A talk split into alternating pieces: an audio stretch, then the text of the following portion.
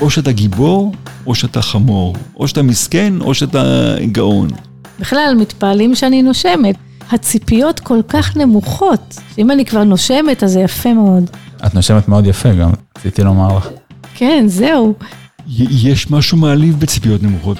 אנחנו רוצים שתספרו מאיתנו ציפיות ריאליות, לא גבוהות מדי ולא נמוכות מדי.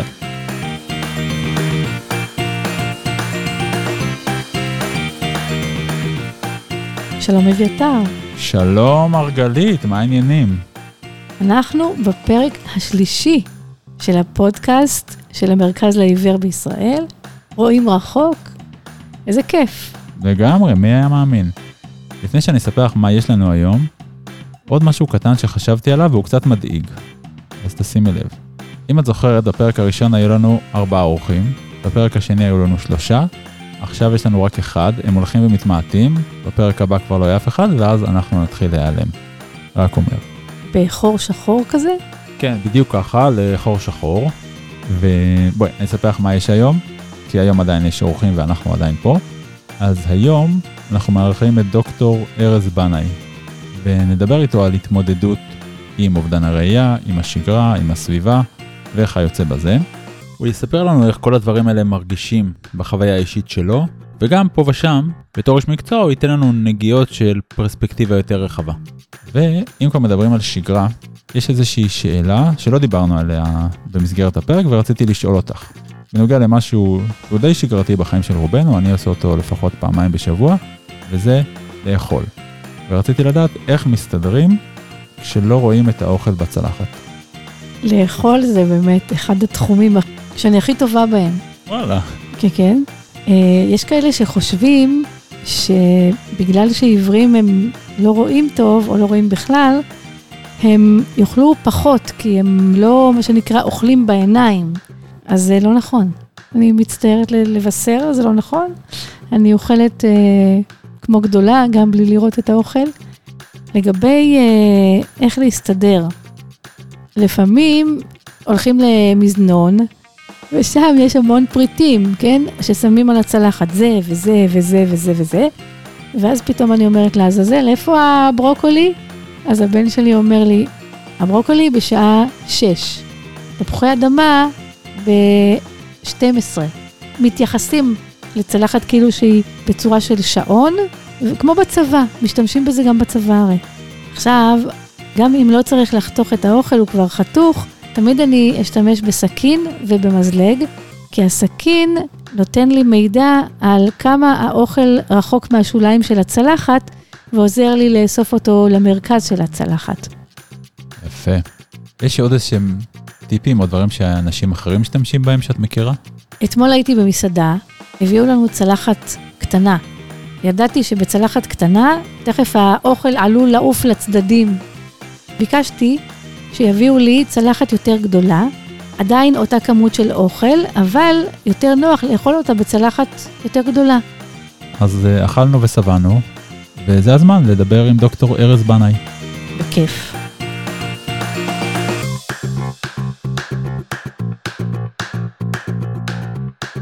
שלום, דוקטור ארז בנאי, תודה רבה שהצטרפת אלינו.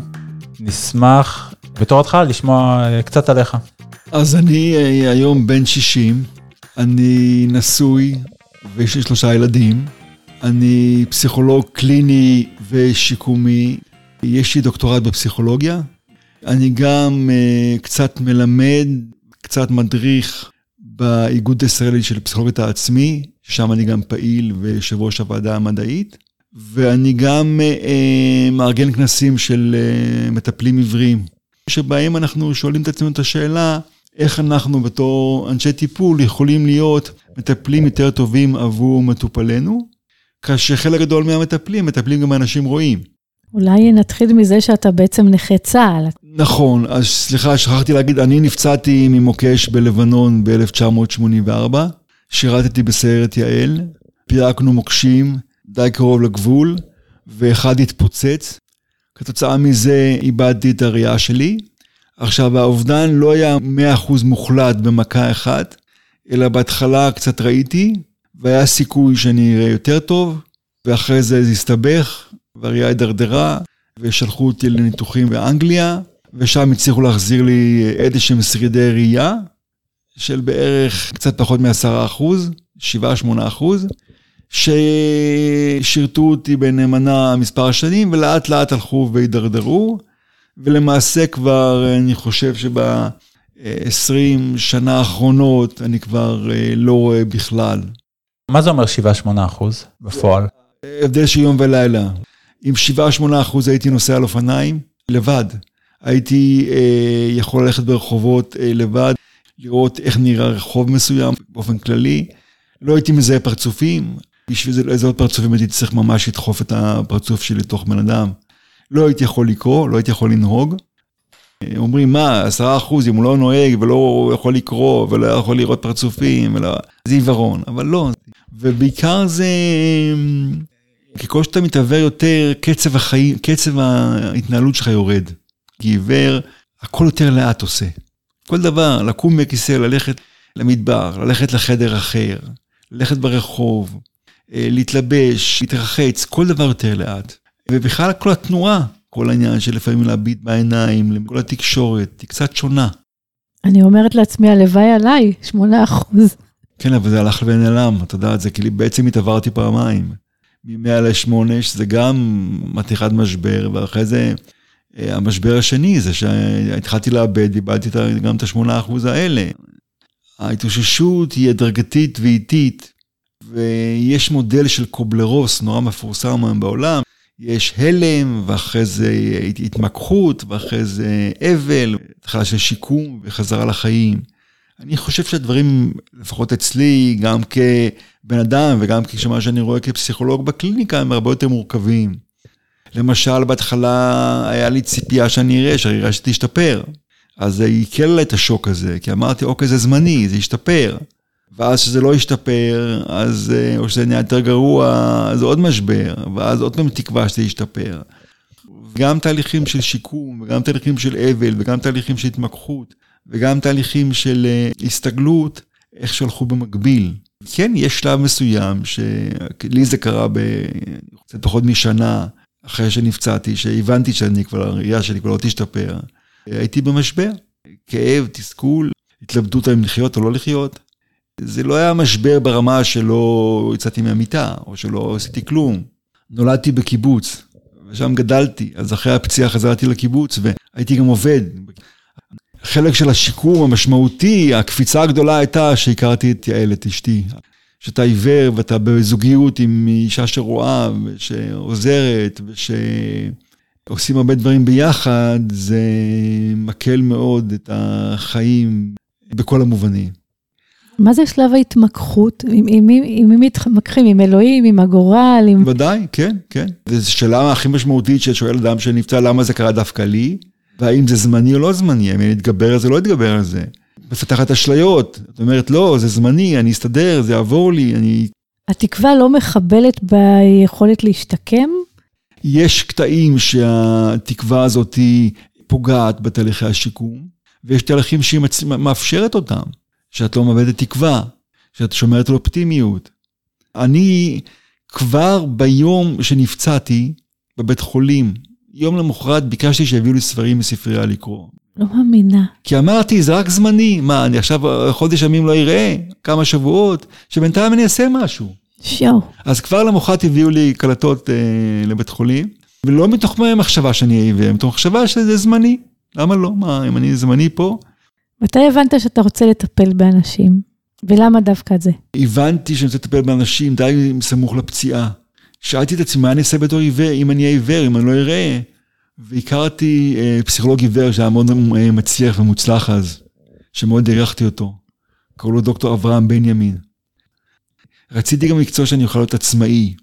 נגיד בזמנו, לפני 38 שנה, 35 שנה, להיות אה, אה, מרצה באוניברסיטה, זה היה דבר נורא נורא מסובך לאדם שעיוור. היום זה הרבה יותר קל, כי אם אתה יכול לכתוב מאמר על מחשב ולתקן אותו, מה שפעם לא היית יכול לעשות, אתה יכול לגלוש באינטרנט ולהוציא לאסוף חומר, אם אתה יכול לקרוא טקסטים דרך האינטרנט, ואם אתה יכול גם להקשיב לטקסטים בספרייה לעברים או בספרייה מהקונגרס בארצות הברית, הכל דרך האינטרנט בצורה הרבה יותר פשוטה. כל החומר הרבה יותר נגיש לך. זה שני עולמות שונים לגמרי. הלן קלר פעם אמרה, הייתה גם חרשת וגם עיוורת. וגם אילמת. וגם אילמת. שהחרשות יותר קשה מהעיוורון. כי העיוורון מנתק אותך מחפצים, והחרשות מנתק אותך מאנשים. יפה. אני חושב שזו אמירה יפה אבל לא נכונה. אני חושב שעיוורון מנתק אותך גם מאנשים וגם ממידע, ניתוק שהוא קשה וכואב. האמצעים הטכנולוגיים יוצרים סוג של גשר מסוים. לא גשר מוחלט, אבל מצמצמים את הפערים. איך הקיבוץ מגיב? קיבלו אותי בחיבוק גדול, אבל מצד שני, קיבוץ זה מקום קטן, עם סטיגמות לא פשוטות, שלא כל כך אוהבים את הזר, את השונה. אז איכשהו ככה הבנתי שזה לא מקום שמתאים לי בחיים החדשים שאני רוצה לבנות. אבל לא עזבתי את הקיבוץ ביום אחד, הלכתי פשוט ללמוד בתל אביב, עם מחשבה לחזור. ולאט לאט הבנתי שאני אולי לא אחזור. ואל תשכח שזה קיבוץ שלי, זה קיבוץ שקם בידי פולנים. או, אז עכשיו הכל ברור. דיברת על זה שהקצב יותר איטי, שהכל נעשה יותר לאט. איזה עוד דברים, שינויים גדולים, ואולי גם משהו שמשתנה באופי, שאתה הרגשת שמשתנה בך? אני חושב שהעיוורון מכניס אותך יותר פנימה. לפחות לי זה קרה, לא יודע אם לכולם זה קורה.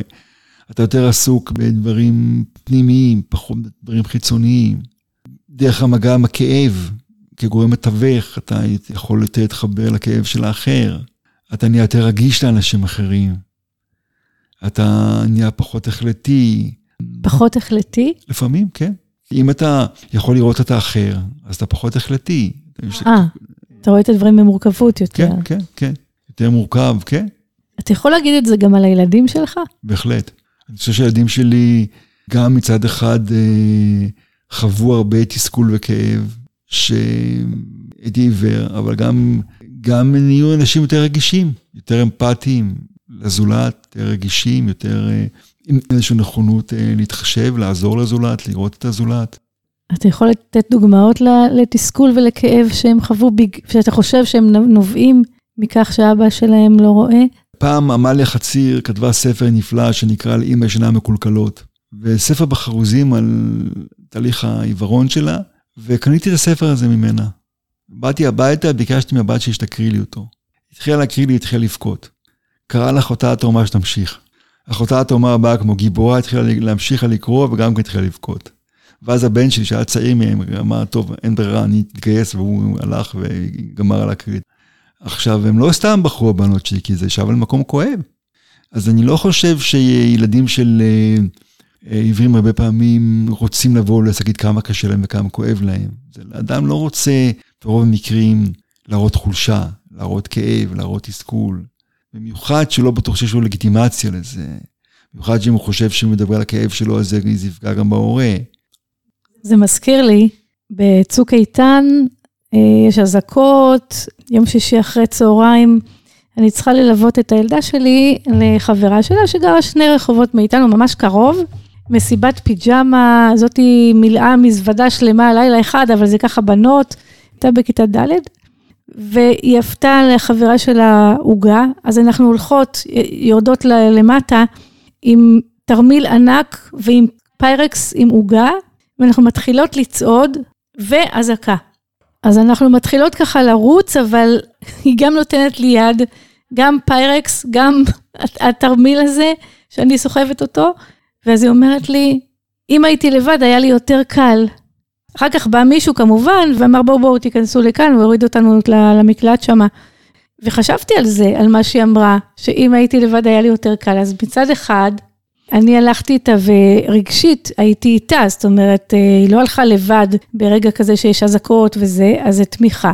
מצד שני, פיזית, אם היא הייתה לבד, כן, היא הייתה רצה יותר מהר, היא לא הייתה צריכה לדאוג גם לי. זה ככה גרם לי הרבה מחשבה.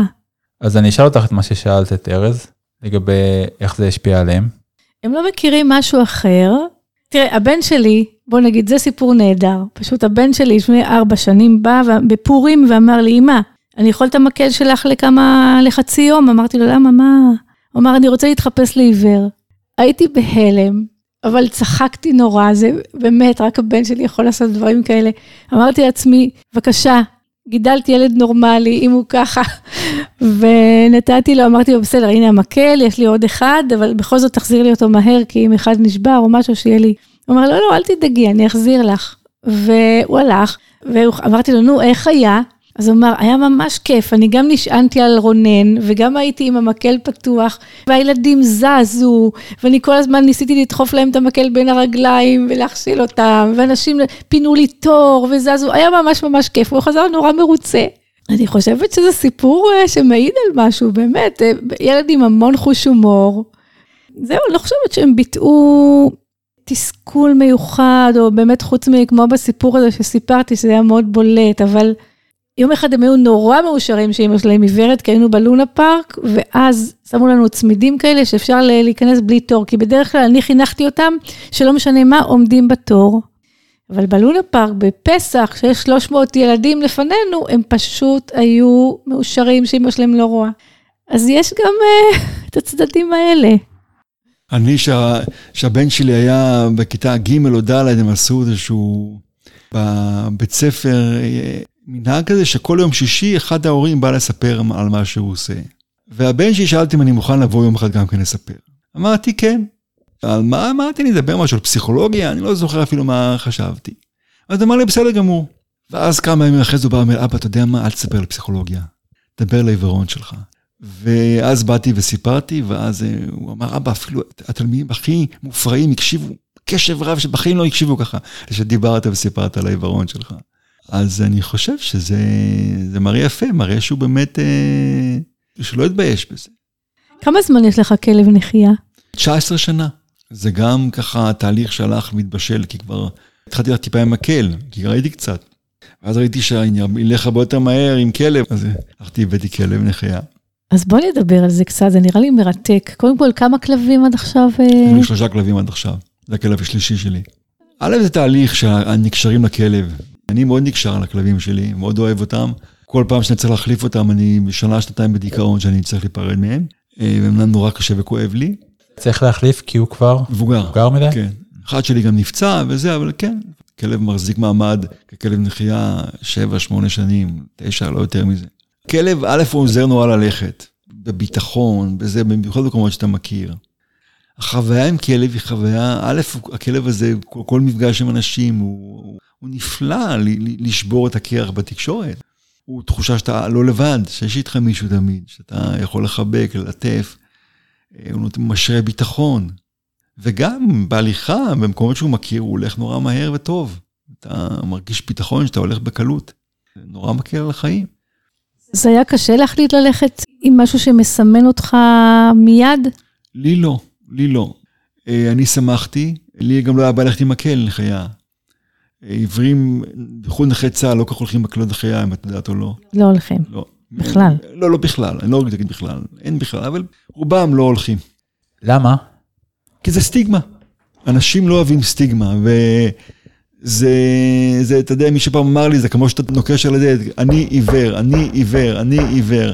מי שלא לא איבד לפעמים את העיוורון בצורה טובה, יותר קשה לו. עכשיו, אם יש לך, אין לך ברירה, אז אתה... אין לך בעיה, אתה הולך, אבל אם יש לך יותר ברירה, ויש לך יותר איזה שהם אה, ריפודים שאגף השיקום מרפד אותך, אז אתה פחות נמנע מהתמודדות הזאת, אם היא לא נעימה וקשה. איך אה, מתניידים בלי כלב או בלי מקל? זה עם אדם נוסף? כן. או שהולכים באוויר, אתה מכיר את זה לפעמים, אנשים הולכים עם ידיים באוויר, כאילו. כן, ידיים קדימה קצת. איך אני הולך בתוך הבית, למשל, שלי? לא הולך עם מקל בתוך הבית.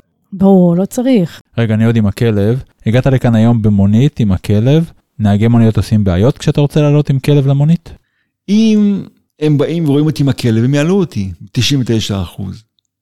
לפעמים שואלים למה לא אמרת שיש לך כלב וזה, אבל אם הם היו יודעים, הייתי כותב באפליקציה שאני עיוור עם כלב נחיה, 50 אחוז לא היו מגיעים בכלל. וואו. כן, למה? מה, שערות הכלב משאיר להם וזה. אז אני אומר להם, כמה פעמים אתם לוקח בכלב נחיה? פעם בחודשיים, שלושה? אז בגלל זה, בגלל כמה שערות טיפה לא לקחת? אבל אנשים, אתה יודע, אנשים הרבה פעמים חושבים על עצמם, ולא כל כך על האחר, על הזולת. זה מחזיר אותי למה שדיברנו מקודם, טיפה על הכלבים. אני בבית ספר לכלבי נחייה, שאלתי, תגיד, מה עושים עם הקקי של הכלב? אמרו לי, לא אוספים, עיוור לא צריך לאסוף קקי של כלב. למה? כי הוא לא יכול, כי זה מסובך, הוא ייכנס לגינה, הוא יתלכלך על קקי של כלבים אחרים, אל תעשה את זה.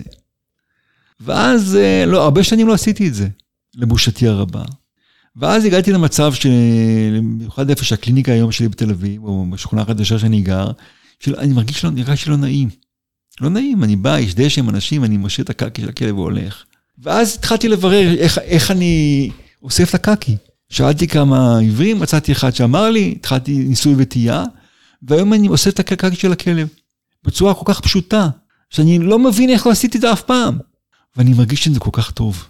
לא שאני מרגיש שאני לא, לא, איך אומרים, לא מחרבן על העולם, שאני מתחשב בעולם, שאני עושה משהו שלי לא כל כך קשה, אבל אני מראה שאכפת לי. זה, זה, זה עניין של לפעמים של תשומת לב לאחר, לזולת, לסביבה. אני חוזר קצת אחורה לעבודה שלך כמטפל, כי הייתה לי עוד שאלה. יש כל מיני סוגיות שעולות כשאדם עיוור מטפל באדם רואה? איך מתגברים על, על היעדר קשר עין, איך, איך, איך מדברים על העיוורון בתוך טיפול. יש הרבה סוגיות שקשורות לזה. ויש גם לפעמים אה, רתיעה של אנשים רואים לבוא למטפל עיוור. אני זוכר ש, שפעם היה פונה אליי מטופל אה, חדש. הייתי, לא הייתי אומר לו לפני הפגישה שאני עיוור. ואז הוא היה מגיע, בתחילת הפגישה הייתי אומר לו שאני עיוור ואני רוצה שנדבר על זה. בדרך כלל זה עבר, זה עבר, אנשים נשארו וזה, וזה היה, הכל היה בסדר, אז היה איזושהי אי נעימות מסוימת, ואז מישהו מדריך, הם בכירים בארץ, אמר לי, לא, אתה צריך להגיד להם בטלפון. זה לא, לא הוגן שאתה לא אומר להם בטלפון. למה באמת? הוא אמר, אתה מביא, הם, הם נכנסים, אדם מגיע עם צרות, עם קשיים, פתאום פוגש מטפל עיוור, לפעמים אה, זה יכול להיות לו קשה מדי. תקל עליהם ועל עצמך, תגיד להם את זה בטלפון. ואז התחלתי, בא פנה אליהם מטופל, קבענו שעה ויום, וכפי שהוא הציע לי, הייתי אומר להם אה, בטלפון אחרי זה, תדע לך שאני, לפני שאתה יודע, שלא תופתע שאני גם מטפל שאני אדם עיוור. אה, לא חושב שצריך להפריע, אבל נוכל לדבר על זה אם תרצה. ואז כולם אמרו לי, אין שום בעיה. אבל מאותו רגע שאמרו לי אין שום בעיה בטלפון, ועד הפגישה, רובם ביטלו את התור אצלי. קשת רחבה ועשירה מאוד של סיפורים, רק על זה הייתי יכול לכתוב מרגלית שני ספרים. אבל, אבל, אבל, אה, ואז הבנתי שיש בעיה, שזה לא כל כך פשוט תמיד. הפסקת להגיד לפני שאתה, לפני שבאים אליך? כן, כן. ואז חזרה לקליניקה, חזרה להתמלא. ואז הבנתי. ואז הבנתי, הבנתי עוד דבר, תראי, אדם לא יודע מה זה עיוור, את מפילה עליו את הדבר הזה, הוא בורח מ... עכשיו, אם הוא בא ורואה שאת עיוורת, מדברת איתו כבר וזה, אז הוא נרגע, משהו בשיחה כבר, בקומוניקציה, מרגיע אותו, אז הוא כבר נשאר. ככה אתה גם יוצר מצב שהרבה פעמים הוא נבהל, הוא בורח, ואחרי זה הוא מרגיש אשם שהוא ברח. רגע, אז לפני שאני יוצאת לדייט, להגיד לו שאני לא רואה או לא להגיד לו? אני לא מומחה לדייטים. לפני הרבה שנים היה לי חבר ש... שהתחילו אתרי היכרויות, ניתן לו אתרי היכרויות פעמיים. פעם, כל הנתונים שהיו לו, בלי העיוורון, פעם עם העיוורון. כשהוא היה בלי עיוורון, הוא קיבל איזשהו 100 ומשהו אה, פניות, שהוא עם העיוורון קיבל שתי פניות, משהו כזה. הנה, קיבלת תשובה. אז... אה, אוקיי, אני לא אכתוב. אז אני לא יודע, תשמעי, אה, מה להגיד לך. לא, לאיפה רצית להתקדם? יש כל מיני מסלולים שאפשר. אתה מאלה שעושים ספורט? אני עושה הרבה מאוד ספורט, כמעט כל יום. חמש פעמים בשבוע. אני שוחה שלוש פעמים בשבוע, ופעמיים בשבוע אני רוכב על אופניים טנדם. כן, אני אוהב לעשות ספורט, זה מרגיע אותי, אבל uh, רציתי לדבר על משהו אחר, כיוון שלא שאלתם אז אני אדבר, כמו פוליטיקאי. העשורים האחרונים, והזכרתי את זה קודם, הביאו ברכה רבה מאוד לעיוורים בתחום הטכנולוגי. המחשבים, האינטרנט, הטלפון החכם. יוצרים בעצם עיוור מסוג אחר לגמרי. שהוא הרבה יותר משולב, הוא הרבה יותר מחובר, הוא הרבה יותר יכול לתפקד במקום העבודה, והרבה יותר יכול להגיע לחומר, להבין, לדעת. היום האוטובוסים מדברים, והמעליות מדברות. יש הנגשה גדולה שהמרחב הציבורי לעיוורים. מעברי חצייה. מעברי חצייה מצפצפים. לא, לא רק מצפצפים, יש את הסימנים פשוט, שאתה יודע נכון, שיש מעבר. נכון, נכון. וגם הספרייה לעבריים, מנגישה לך ספרים. אני עוד הייתי מהדור שעוד זוכר שהיה סלילים, את יודעת. ואחרי זה קסטות, ואחרי זה דיסקים, והיום זה הכל בלחיצת כפתור. פעם הייתי צריך לחכות לספר אה, שהיה יוצא המון זמן ולקרוא אחרי כולם, ועכשיו אני יכול כבר די מהר להוריד אותו ולשמוע אותו. באמת ברכה גדולה. אני חושב שזה, שהברכה הזאת מצד אחד היא משלבת עיוורים בקהילה בצורה נפלאה. מצד שני יוצרת בעיות אחרות, שלא כל כך מדברים עליהן. וזה כל העניין של המחיצה הבלתי נראית בין אדם עיוור לאדם רואה. זה מחיצה שקיימת. לאנשים הרואים קל ונוח להכחיש אותה. לעיוורים עוד יותר קל ונוח להכחיש אותה. אבל יש מחיצה, זה לא פשוט כל כך.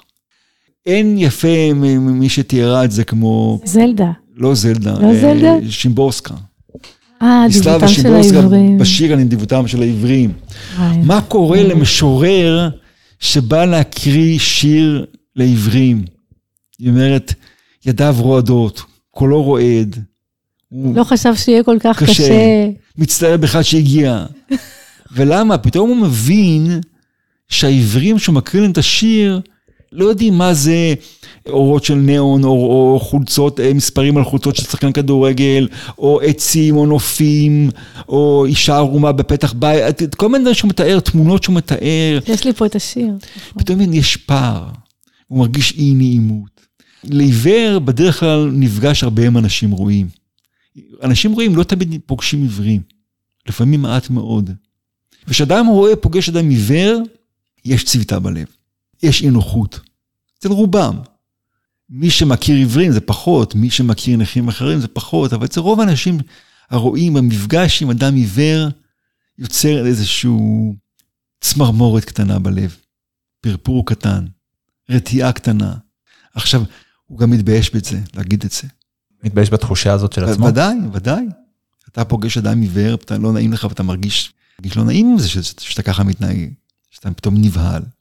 כלומר, ואז יש נוצרת המחיצה הזאת. והשאלה באמת, מי אחראי למוסס את המחיצה הזאת? אנחנו, חד משמעית. זה, אני גם חושב כמוך, אבל בוא נהיה יותר הוגנים לגבינו, בוא נגיד גם, גם וגם. כן, אבל, גם משהו. גם וגם. אבל, אבל, אבל, איך אנחנו אה, עושים את זה? אני זוכר פעם הלכתי בכריתים לטייל עם אשתי ועוד זוג, באיזשהו קניון ושמנו את האוטו בצד אחד של הקניון ורצינו ללכת כמו שכולם הולכים בירידה בקניון. ואז פגשה אותי מחלון מישהי גרמניה שגרה שם בכריתים ואמרה, היא קראה לי, קראה לנו, אמרה תעצרו שנייה. היא אמרה, אני רואה שהוא עיוור, לעיוור צריך ללכת בקניון בעלייה, לא בירידה כמו כולם. תלכו נגד הכיוון, כי יהיה לו יותר קל. והיא צדקה. ואז היא אמרה, רגע, חכו, הלכה, הביאה, בעלה היה קטוע רגל ממלחמת אה, טורקיה, יוון, בקפריסין, הביא לי מקל הליכה, מה, קח את המקל הזה, זה יעזור לך. וזה באמת נורא עזר לנו. לפעמים התקשורת וההבנה שאם האוכלוסייה הרואה יכולה לעזור ולתת יד, אז זה נפלא, אבל לא תמיד יכולה לעשות את זה.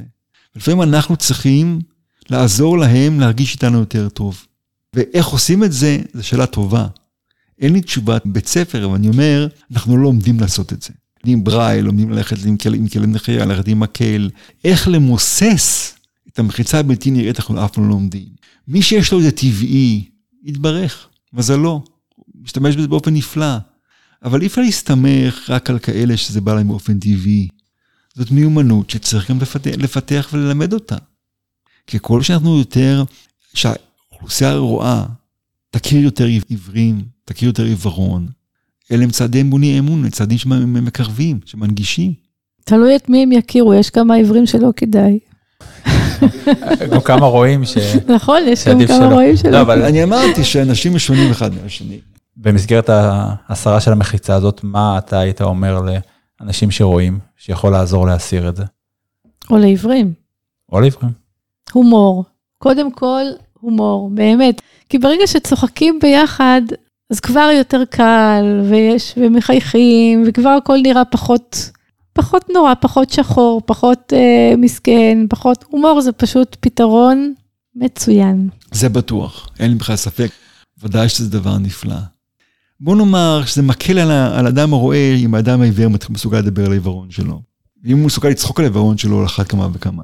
זה משחרר, זה מקל, זה ממוסס את המחיצה הבלתי נראית הזאת. איפה פוגשים את המחיצה הזאת? כי דיברנו על איך להסיר אותה, אבל עוד לפני זה, איפה היא בכלל קיימת? באיזה סיטואציות? בכל ס- כל מפגש, כל מקום. כל מקום.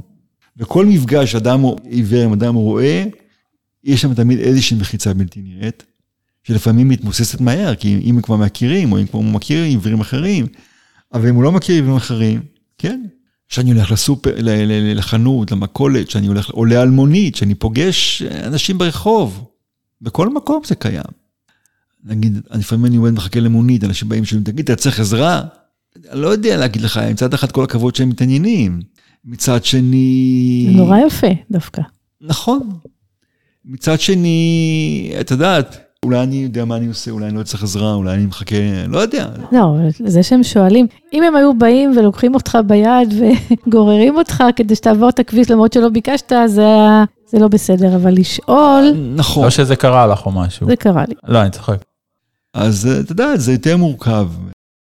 כשאתה משולב בקהילה, ונגיד סוחר בברכה עם אנשים אחרים, ואנשים רואים שעיוור מסוגל לשחות, או שעיוור מסוגל לרכב על אופניים על הטיילת, או שעיוור מסוגל להיות בחדר הכושר עם אנשים רואים, או לעשות דברים אחרים, זה מהווה סוג של השראה לפעמים. ואני חושב שככל שנשתלב יותר בקהילה, אז אנחנו גם נתרום לקהילה. אבל יש נטייה לציבור הרחב להסתכל על עיוורים באופן מפוצל. או שאתה גיבור, או שאתה חמור. כן, או שאתה זה מסכן, או שאתה גאון. נכון. זה סוג של באמת איזושהי עמדה שבאה מתוך בורות, מתוך פחד, מתוך רתיעה, מתוך אי נעימות. זה ש- גם את מרגישה את זה? את. הדיכוטומיה הזאת? או מסכן או גיבור, או, או ככה או ככה. בכלל, מתפעלים שאני נושמת. הציפיות כל כך נמוכות, שאם אני כבר נושמת, אז זה יפה מאוד. את נושמת מאוד יפה גם, רציתי לומר לך. כן, זהו. יכול להיות שזה משתפר, אני חושבת שזה משתפר, אני חושבת שחבר'ה צעירים כבר לא עוש- עושים פחות עניין. אני חושבת, אני מרגישה ככה עם החברים של הילדים שלי, באמת, הם מקבלים, לא יודעת, יותר, ב, יותר בטבעיות, יש משהו מעליב בציפיות נמוכות ממך. מאוד מעליב, אנחנו רוצים שתצפו מאיתנו ציפיות ריאליות, לא גבוהות מדי ולא נמוכות מדי. נכון. עכשיו, בהתאם, גם העיוורים אה, מאמצים דעות קדומות של הסביבה. גם לעיוורים יש דעות קדומות על עצמם. למשל, אה, מה הם יכולים ומה הם לא יכולים, וכאילו, לפעמים אתה, אתה קונה מה שהסביבה מוכרת לך. לך זה קרה? יכול להיות, אני, לא, אין לי דוגמה ספציפית, אבל, אה, אבל יכול להיות. אני, יש לי גם בעיה עם כל אלה שמספרים, אנחנו יכולים הכל, עשינו הכל, אני יכול לעשות הכל לא פחות טוב מאחרים. זה, זה יותר מורכב, אני חושב שאנחנו צריכים אה, מידה מסוימת של צניעות וענווה, כי הרבה דברים אנחנו לא יכולים לעשות כמו האחרים. להסתכל על הדברים בצורה יותר מורכבת. פחות רצון להוכיח, זה, גם- זה גם המסע, להוכיח לעצמך כל הזמן שאתה לא פחות, יכול לעשות כמו כולם, כל מה שכולם עושים. אני כבר לא רוצה להיות עיוורת מצטיינת, עזבתי את זה. אוקיי, בסדר. ירדתי מזה, לא רוצה. אבל אולי, אבל את יודעת, אבל לפעמים, לפעמים זה מלכודת שחלק מהעיוורים, במיוחד יותר צעירים, יכולים להיות באמת כלואים בתוכה. זה נורא. אני יודעת, הייתי שם הרבה, הרבה שנים, והיום זה כבר לא מעניין אותי בכלל. אוקיי, אז אני חושב שזה מצוין, שבאמת אה, עשית כברת דרך. כן, אבל אני בטח. חושב שזה באמת יכול להיות לנו מכשול לדבר הזה. אני חושב שגם לדעת לבקש עזרה זה כוח, זה לא חולשה. אני מסכימה איתך במאה אחוז. את יודעת, סתם אני אתן לך דוגמה, מנכ"ל, ראש ממשלה, כמה עוזרים יש לו, את יודעת, בלי סוף, פקידים וזה, עוזרים, מנהלים לו.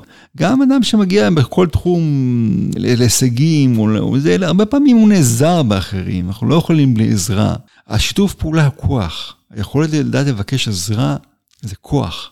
זה גם להשתמש במשאבים שיש בסביבה כדי לבצע משהו, וגם, אומרים, לא, אני לא אוהב טובות, אני לא אוהב לבקש טובות. אני אומרת להם, תקשיבו, כשאתם עוזרים למישהו, מה אתם מרגישים? אה, נהדר, אני מאוד אוהב לעזור, אני מרגיש משמעותי. אז למה שלא תאפשרו לאנשים להרגיש את זה לפעמים?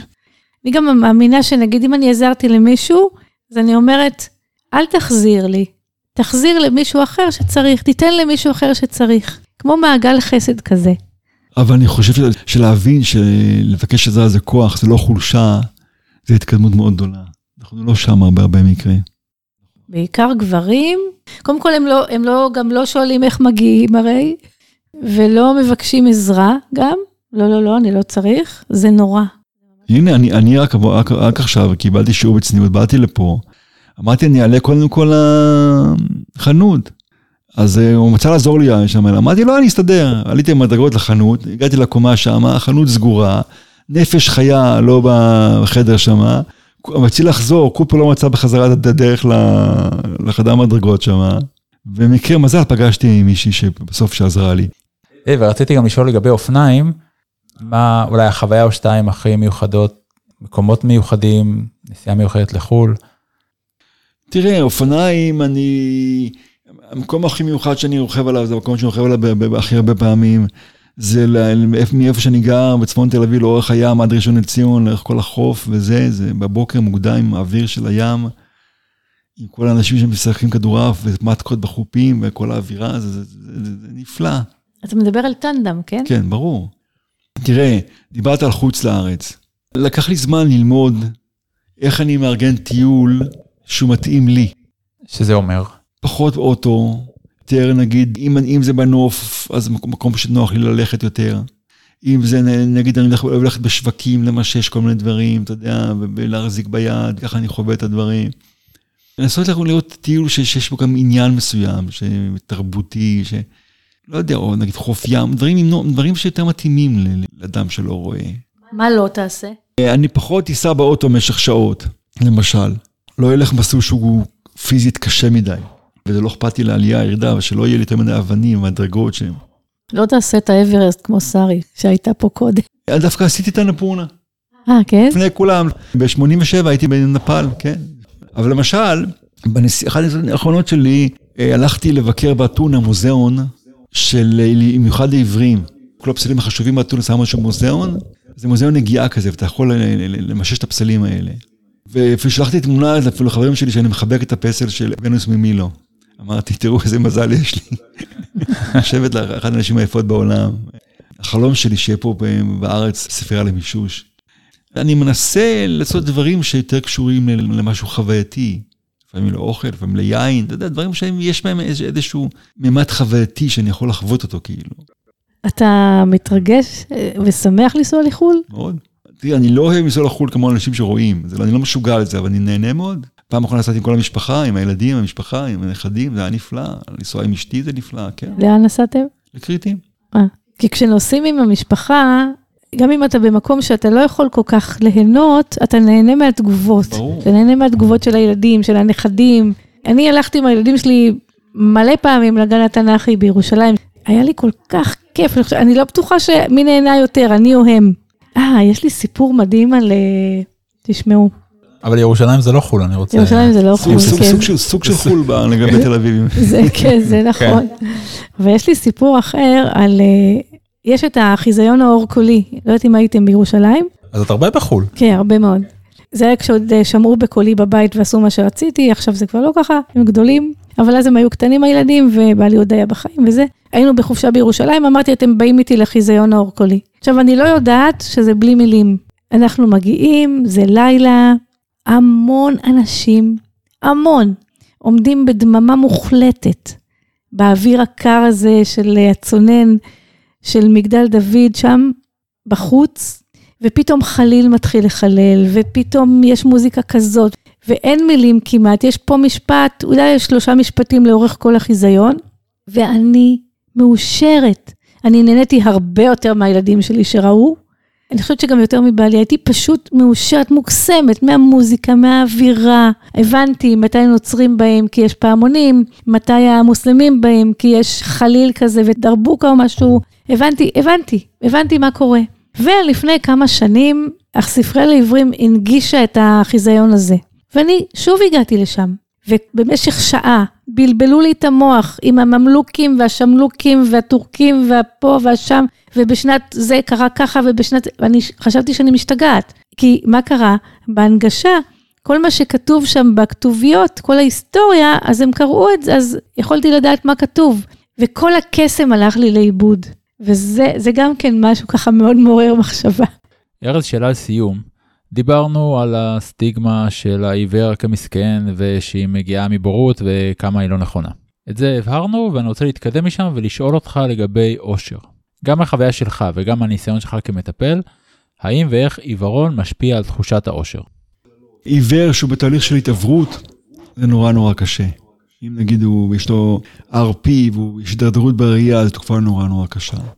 אני זוכר שהיה לי שרידי ראייה והם הלכו והידרדרו, שהיה לי יום ראיתי ככה, יום ככה, זה מאוד השפיע עליי.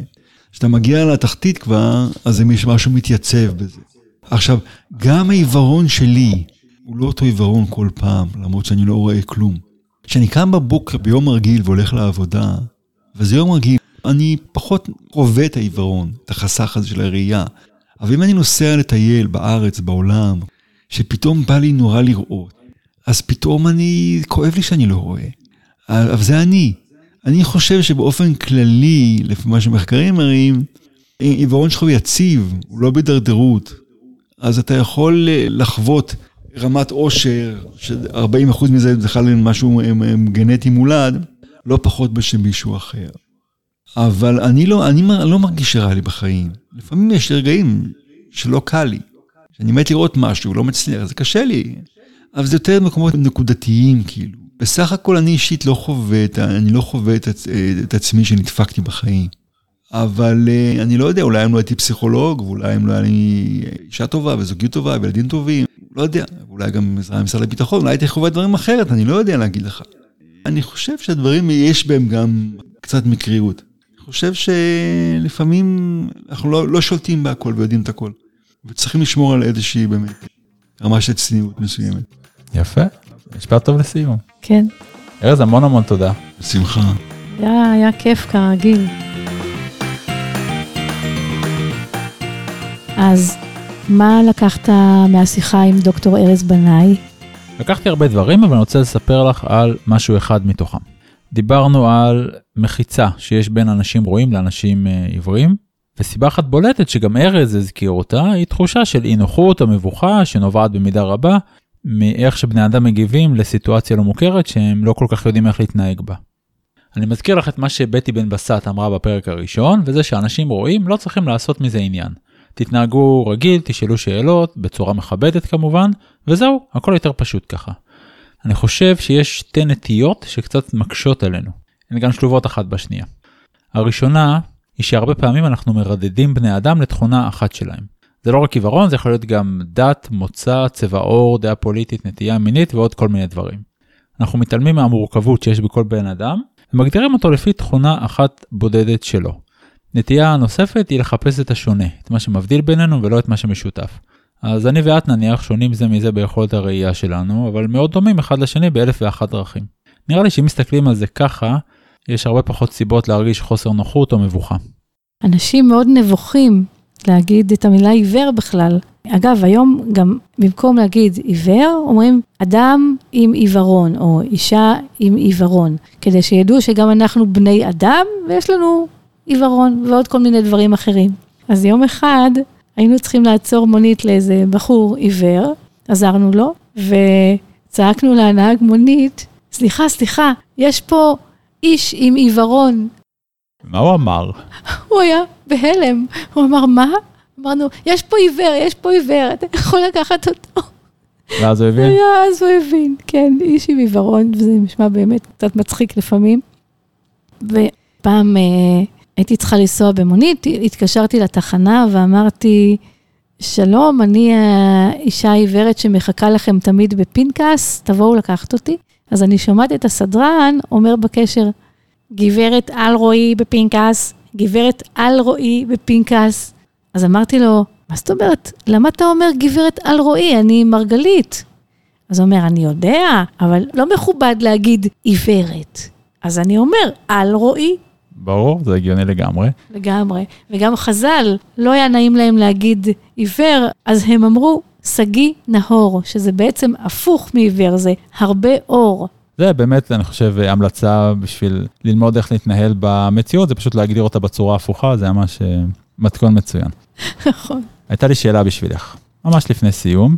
דיברנו קצת על נסיעות לחו"ל, ארז סיפר על אה, נסיעות ליוון וכל מיני מקומות, את סיפרת על ירושלים. אה, ורציתי לשאול אותך, אני זוכר שאלה ששמעתי מישהו שואל אדם עיוור, היא מוטעת, אבל אני אשמח אם תסבירי איך זה מהצד שלך, והוא שאל, מה יש לך לנסוע לחו"ל? אתה הרי אתה לא רואה. אז מה יש לנו לנסוע לחו"ל? וואו, אני מאוד אוהבת לנסוע. אז uh, קודם כל, איך שאני מגיעה לדיוטי פרי, אני כבר בחו"ל מבחינתי. האווירה, והטיסה, וכמובן לנסוע עם אנשים שאתה אוהב, שכיף לך איתם, הביחד. שווקים, נהדר. אה, מסלולי הליכה, מישהו אוהב ללכת, לעשות כל מיני מסלולים. אני לא, אני די פדלה, אבל ללכת באמת, אה, לרדת, לעלות, מרגישים ברגליים את חו"ל. ריחות, השפות השונות ששומעים, אוכל, אוכל אחר, קולות, נגני רחוב אני מאוד אוהבת, אפשר למצוא אותם בחו"ל הרבה יותר מאשר פה. אז באמת, אם יש אווירה טובה, ואם לא נוסעים באוטו כל הזמן, שזה מעצבן, כי אתה לא יכול לחוש את הסביבה, אז חו"ל זה כיף גדול. יפה, עשית לי חשק. רגע, בואי נשאל, יש לך נסיעה בקרוב? לא, הייתה לי, הייתי במרוקו עם שני הילדים שלי, במסגרת טיול אה, מונגש לעיוורים וכבדי ראייה, היה כיף לא נורמלי. אז אה, נסיים כאן עם קצת אה, מחשבות על הנסיעה הבאה לחו"ל. אנחנו מקווים שנהניתם. לנו היה כיף. ולהתראות. להתראות.